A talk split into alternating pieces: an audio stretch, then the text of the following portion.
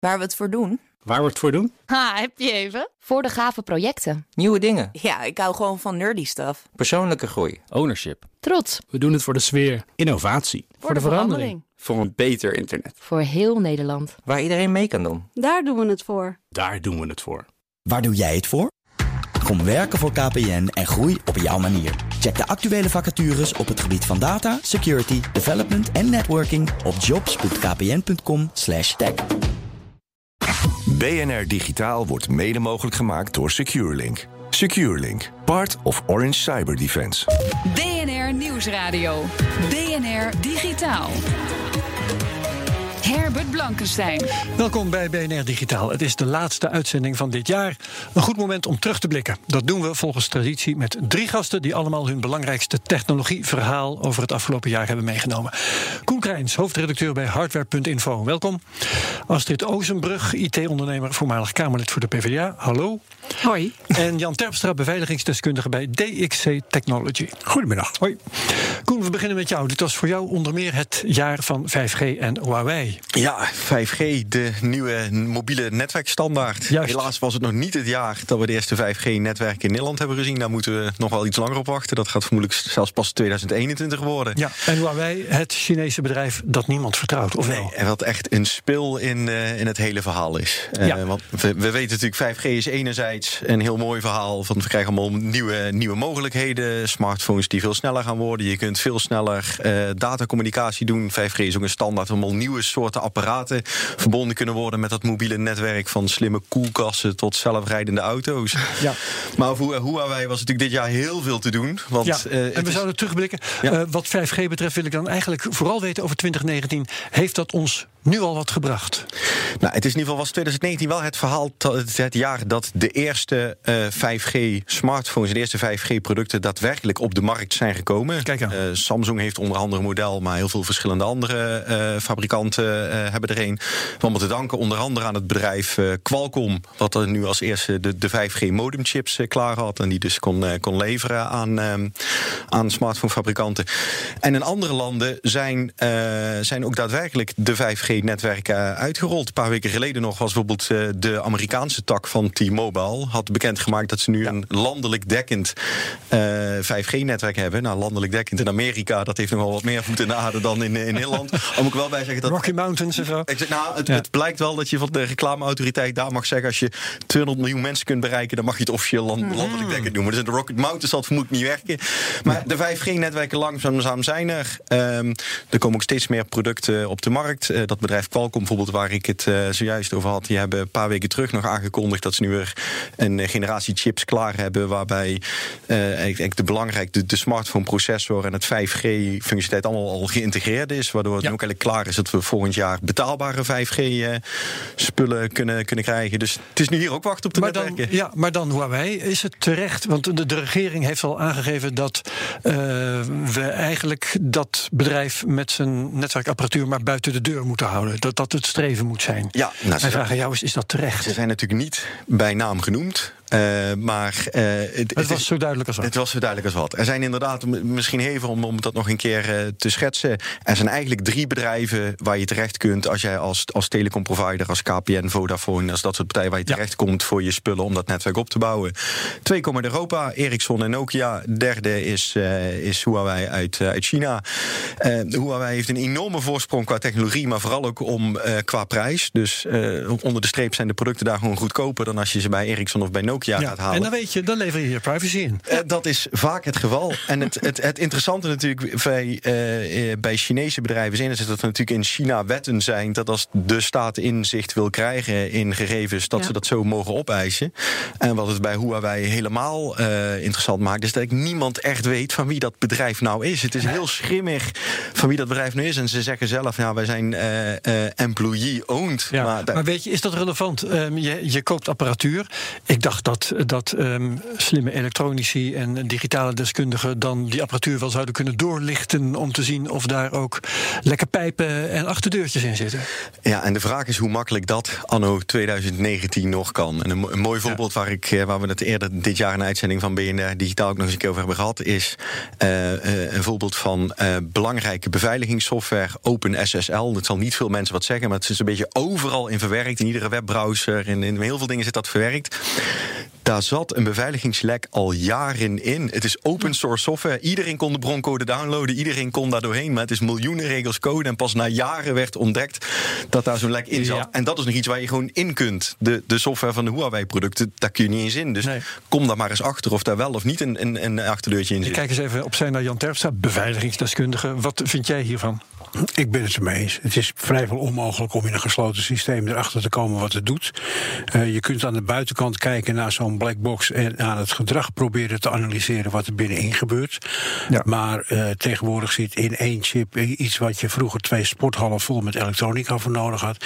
En het is aan de buitenkant echt niet te zien wat er allemaal gebeurt. Dan heb je dus onzekerheid um, over wat die apparatuur doet. Uh, moet je dan zeker voor het onzekere nemen? Of zeg je dan, er zijn drie partijen en eigenlijk geldt voor alle drie de partijen dat ik niet weet wat er precies in die dozen zit. Het geldt voor alle drie de partijen dat je niet weet wat er in dat kleine zwarte blokje gebeurt. Um, echter, de ervaring leert dat als je kijkt naar uh, onze verre oosterburen, dat we daar toch wel enige voorzichtigheid mee moeten hebben. Ja, kijk ik ook even naar Astrid, want uh, ja, ja. ex-politica. Um, is het politiek verstandig om zo'n maatregel te nemen en een bepaald land in feite uh, op de zwarte lijst te zetten? Zo, nog wel zo'n belangrijk land, economisch ook. Ja, precies. En, en de vraag is, uh, uh, Jan stipt het al even aan, dat er zit natuurlijk ook een klein uh, zwart blokje in nog. en de vraag is, waar komt dat vandaan? dat is de chips die nu ontwikkeld worden, die komen bijna allemaal uit één gedeelte van de wereld. Dus als je op een gegeven moment zegt, we gaan, we, we schaffen niks meer aan van Huawei, maar wel van Ericsson. En daar zit vervolgens een chip in die ook uit het oosten komt. Ja, sorry, ja. maar dan creëer een soort schijnveiligheid. En volgens mij moet je als politie altijd oppassen uh, om elkaar te roepen: we gaan dat verbieden, want het is onveilig. Want daarmee uh, schets je een beeld dat het een ander product wel veilig zou zijn. En ik ben ervan overtuigd dat er bijna overal op dit moment achterdeurtjes in gebouwd zitten. Ben je het mee eens, Koen? Is het... Ja, en ik denk dat we hier nog wel op een belangrijk punt komen. Een belangrijk, een bekend gezegd is natuurlijk: keep your friends close, keep your enemies closer. Mm -hmm. Een voordeel wat wij nu nog hebben als, als westerse land is dat eigenlijk vrijwel alle standaarden uiteindelijk uh, primair in het Westen worden bedacht. Als je bekijkt de 5G-standaard, komen heel ja. veel bedrijven hebben eraan meegewerkt, maar de bulk van de research zit in het, in het Westen, in Amerika. En uiteraard in China kunnen ze dat goedkoper en, uh, sneller en beter ja. maken. Um, als wij Huawei zouden wegduwen, zou het best kunnen dat 6G dadelijk ineens helemaal buiten ons gezichtsveld wordt ontwikkeld. En dan hebben we misschien nog wel veel grotere problemen in de toekomst. Daar moeten we voor oppassen. Dankjewel. BNR Nieuwsradio. BNR Digitaal. Ja, BNR Digitaal. En we kijken terug op het afgelopen techjaar. Astrid Ozenbrug, er werd lang gezegd dat mensen niet zo geven om hun online privacy. Maar de wetgever doet dat in elk geval wel. Zie de GDPR, die dit jaar ja. in werking is getreden. Um, gaat de burger nu de wetgever volgen en dit onderwerp belangrijk vinden? Nou, ik denk dat de burger inmiddels uh, wel door begint te krijgen wat nou eigenlijk, uh, wat het nou eigenlijk betekent dat uh, privacy. Wat een, het, ja, het lijkt heel on, onaantastbaar, ontastbaar. maar als je dan kijkt naar een product als Siri, wat door de overheid ontwikkeld is om mensen te volgen, te kijken of jij iets wel of niet hebt gedaan, en daar nu ja, dus uit blijkt. S-Y-R-I, ja, hè? Ja, mis, ja. misstanden oh, sorry ja, ja. voor alle ja, voor de zekerheid. die nu, ja, oké, okay, ga verder. die nu afgaan. Uh, maar je ziet dat daar uh, inmiddels allemaal mensen opgestaan zijn. Die hebben gezegd van, oh, wacht eens even. Maar dit is dus wat er nu gebeurt. Er wordt gewoon allerlei data verzameld. Die wordt gekoppeld aan elkaar. En vervolgens komt, rolt daar iets uit wat gewoon niet klopt. Want ja. uh, je, je pakt alleen maar één bepaalde groep. Dus ook dat nog eens. Dus je merkt dat mensen daar toch meer in opstand komen. Want ja, ook ik moet eerlijk toegeven dat Siri is ook volledig aan mij voorbij gegaan in de Kamer. Het was een product wat door de, volgens mij de, de woordvoerders zorg uh, goedgekeurd is. Ja, ja, dus het kwam helemaal niet eens langs de privacy. En jij noemt dat als een ja. factor die het privacybewustzijn heeft verhoogd. Ja. Er was nog een andere, bijvoorbeeld het Cambridge Analytica-schandaal rondom Facebook. Was die ook net zo belangrijk? Of Hoe welke nou, je zwaarder? Uh, ja, je zag daar wel dat mensen eigenlijk een soort van uh, schok kregen van... wacht even, ik word gewoon gepiepeld hier. Ik denk dat ik heel erg uh, goed kan inzien en, en begrijpen... waarom ik bepaalde sites bezoek. Maar ja. eigenlijk word ik een bepaalde richting opgedeeld. Dus ik word gemanipuleerd. en die slag hadden heel veel mensen nog niet gemaakt. Van wacht even, dus de data, mijn data... dus eigenlijk ook mijn privacy...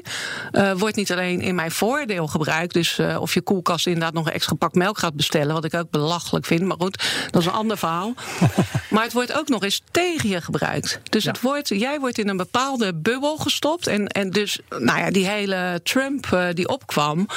Uh, mensen snapten niks van. Achteraf snap ik het wel. Omdat, ja, uh, weet je, als je niet in die bubbel hoorde. Invloeden van verkiezingen, ja. dat is Ja, dat wordt allemaal door dit soort uh, zaken gemanipuleerd. Ja, het, het interessante hierbij is, is natuurlijk. Je, je, je, zegt van die koelkast, ja. een, een melkbestellende koelkast is natuurlijk niet, niet, niet het meest geweldige voorbeeld. Inderdaad, heel anders over. Maar wat je heel vaak ziet, is dat het een, een soort een, eigenlijk een afweging is tussen privacy en comfort. Ja. Ik bedoel, die, die, de, de slimme speakers in huis is, gemak. Is, is, is, ja. exact, gemak is een mooi voorbeeld.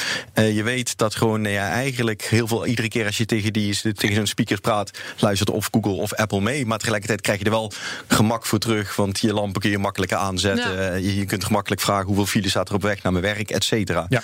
In het geval van zo'n Cambridge Analytica heb je eigenlijk een soort privacy schending waar je ook niks voor terugkrijgt. Dat is, ja. ik, nog veel erger. Inderdaad. En dan kijk ik naar Jan Terpstra. Want Jan heeft uh, zo'n uh, Google-apparaat, geloof ik, in zijn huis staan. Uh, maak jij je zorgen om je privacy? Ik uh, denk dat mijn privacy niet meer bestaat. Uh, dat is misschien een hele Jij hebt het opgericht, vind ik voor een beveiligingsdeskundige best wel schokkend. Nou, uh, security en privacy zijn twee volledig gescheiden dingen. Oh, ik uh, over vind veel... Nou, over mijn veiligheid maak ik me nog wel zorgen, maar over mijn privacy... ik ga ervan uit dat alles wat ik ergens in een apparaat stop... op de een of andere manier als daadwerkelijke data... of als een afgeleide data of als een metadata... wel ergens gebruikt wordt om mij van reclame te voorzien... me in een bepaald hokje te stoppen of...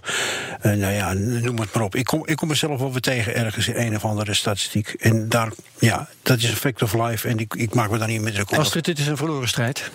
Uh, ja, dat, dat leek het wel. Ik, uh, ik moet zeggen dat ik ook vrij, uh, nadat ik uit de Kamer kwam, een vrij negatieve blik nog had op privacy. Inmiddels ben ik uit die bubbel van de Tweede Kamer gestapt en weer terug in het echte leven. En ik merk echt dat er een hele grote groep mensen toch weer opstaat en zegt: we pakken, we pakken terug wat van ons is. En al is het niet meer voor onszelf, want ik geloof inderdaad ook niet meer alles over mij is gewoon bekend. En daardoor, nou ja, dat helpt wel. Ik ben zelf ook redelijk transparant, dus dat scheelt. Maar ik wil voor de nieuwe generatie. Ik wil gewoon dat onze ja. nieuwe generatie op een gegeven moment zich nog wel vrij kan bewegen. Dat je niet overal met gezichtsherkenning, overal foto's, noem maar op, waar je op straat loopt. Dat wil ik gaan kijken of we dat kunnen stoppen. En dat kun je stoppen door uh, nou ja, te laten zien dat het ook anders kan. Dat inderdaad ja. privacy geen luxe artikel hoeft te zijn. En dat je daar heel bewust voor kan kiezen door bepaalde keuzes te maken. Nou, is er een andere gast die hier vaak over de vloer hebben, Maarten Nijkens. Die zei kort geleden nog hier bij BNR Digitaal dat businessmodellen die gebouwd zijn op privacy, hè, mm. dus denk aan betalen voor privacy op een of andere manier, dat die vaak floppen omdat mensen uiteindelijk daar toch van afzien en kiezen voor datgene waar ze geen flappen voor hoeven te trekken. Ja, maar het gekke vind ik dan dat bijvoorbeeld uh, Freedom, uh, Freedom Internet nu opgestaan is. De mogelijke opvolger de mogelijke, van Access for All. Uh, ja, en ja. Uh, ik geloof dat ze al over de 10.000 mensen die zich aangemeld hebben slechts voor een webmailaccount met de enige belofte ook. En daar nog 50 euro voor betalen ook. Precies, met ja. de enige belofte dat er niks met jouw data gebeurt. Dat jij de eigenaar bent over je eigen data. Hetzelfde is bij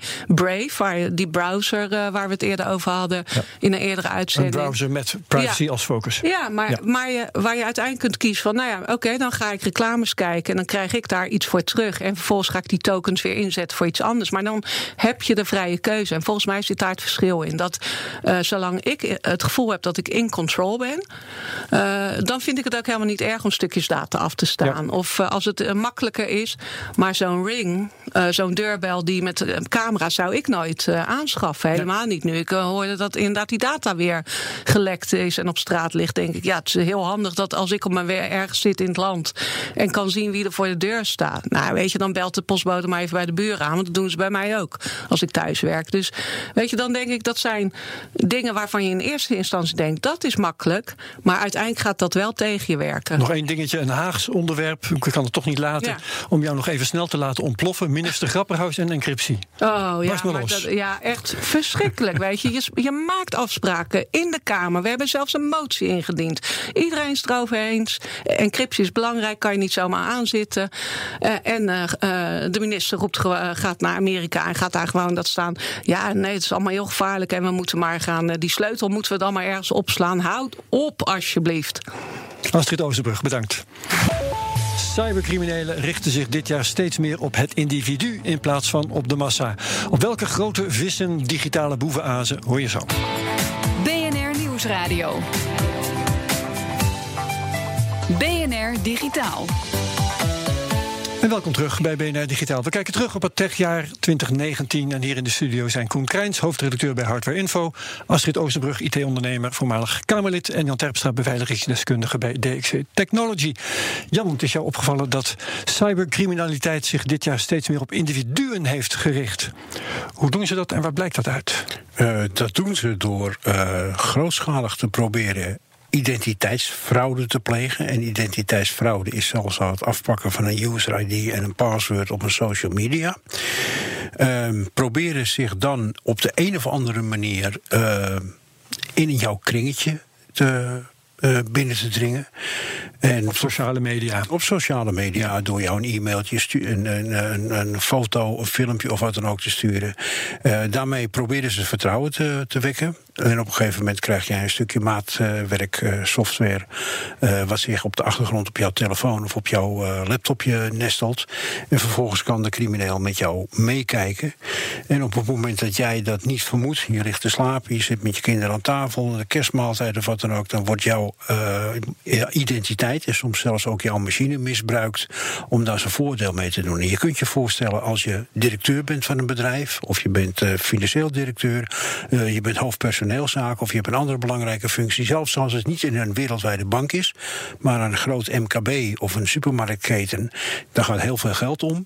Als iemand op een sleutelpositie gecompromitteerd wordt, dan kan een crimineel daar zijn eigen voordeel mee doen en die kan geld of goederen afhandig maken. Dus individuen, dat hoeft niet per se uh, jou of mij te betreffen, maar dat gaat dan om mensen, want criminelen zijn calculerend waar wat te halen valt. Ja, maar het kan ook zijn een ambtenaar in de haven van de douane die gecompromitteerd wordt en dat via zijn gestolen identiteit een container die de haven binnenkomt alvast van oh tevoren in de voorsortering komt, hoeft niet te worden gecontroleerd en stikvol met cocaïne naar de Duitse achterland. Dus het gaat ook niet per se om dat ze je persoonlijk benaderen, benadelen, pardon, maar uh, dat ze gebruik maken van je bevoegdheden ja.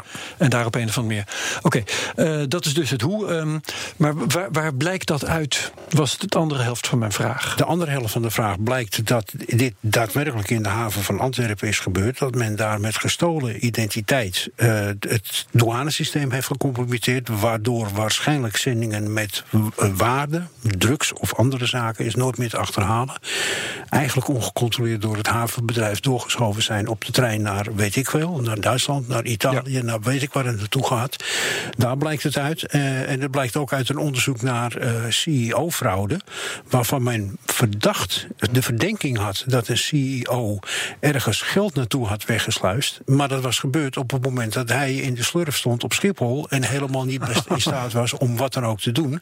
Maar zijn identiteit en zijn agenda, dus ook zijn vluchtschema. waren beide misbruikt om precies op het juiste moment die betalingsopdracht ergens in het systeem te injecteren.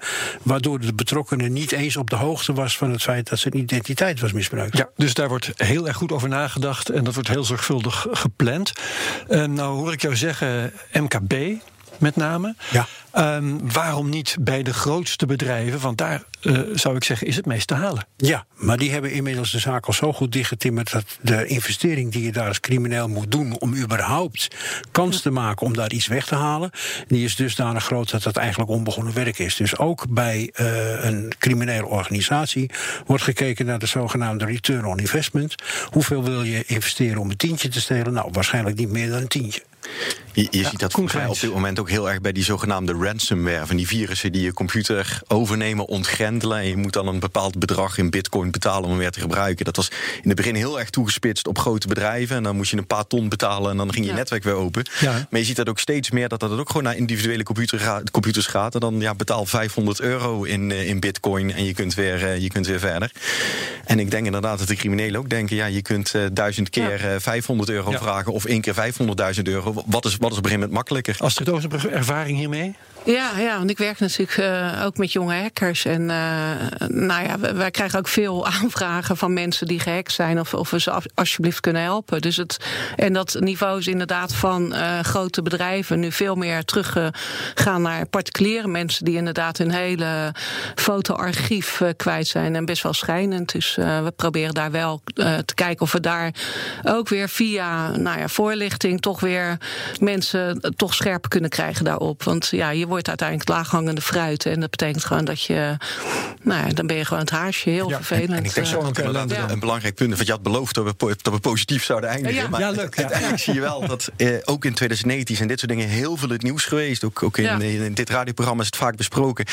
Ik heb wel het gevoel dat mensen zich meer en meer beseffen dat dit absoluut. soort dingen kunnen gebeuren. absoluut. En dat waar tot een paar jaar terug mensen dachten, nou die antivirus-scanner laat maar zitten, want daar wordt mijn computer alleen maar langzamer van. Dat je nu toch mm -hmm. ziet dat mensen denken, we gaan hem toch maar weer een goede, een goede beveiliging installeren en toch iets beter nadenken als ik een zogenaamd sms'je van de bank krijg of het wel echt is. Dus bewustwording, dat is echt wel. Ja. Uh, en, en zelfs mijn moeder van 81 heb ik inmiddels zo weten op te voeden dat als ze een vreemde pop-up krijgt, dat ze me opbelt, mij of mijn zoon, om te vragen: kan ik hier op ja of nee drukken? Dus het, hel het helpt wel. Heel ja. goed. En ja. um, de, de grote organisaties hebben dus in elk geval vergeleken met de MKB-bedrijven hun, hun beveiliging goed op orde. Ja. Dat is eigenlijk wat jij zegt. Um, die meer persoonsgerichte aanpak van criminelen, heeft die nou nog invloed ook op de manier waarop bedrijven zich beveiligen? Ja, die hebben zeker invloed op de wijze waarop uh, bedrijven zich beveiligen. Bijvoorbeeld, als je kijkt in de financiële wereld, daar kan een, uh, een, een, belangrijke persoon in de directie niet meer zomaar handelingen plegen die verstrekkende gevolgen hebben.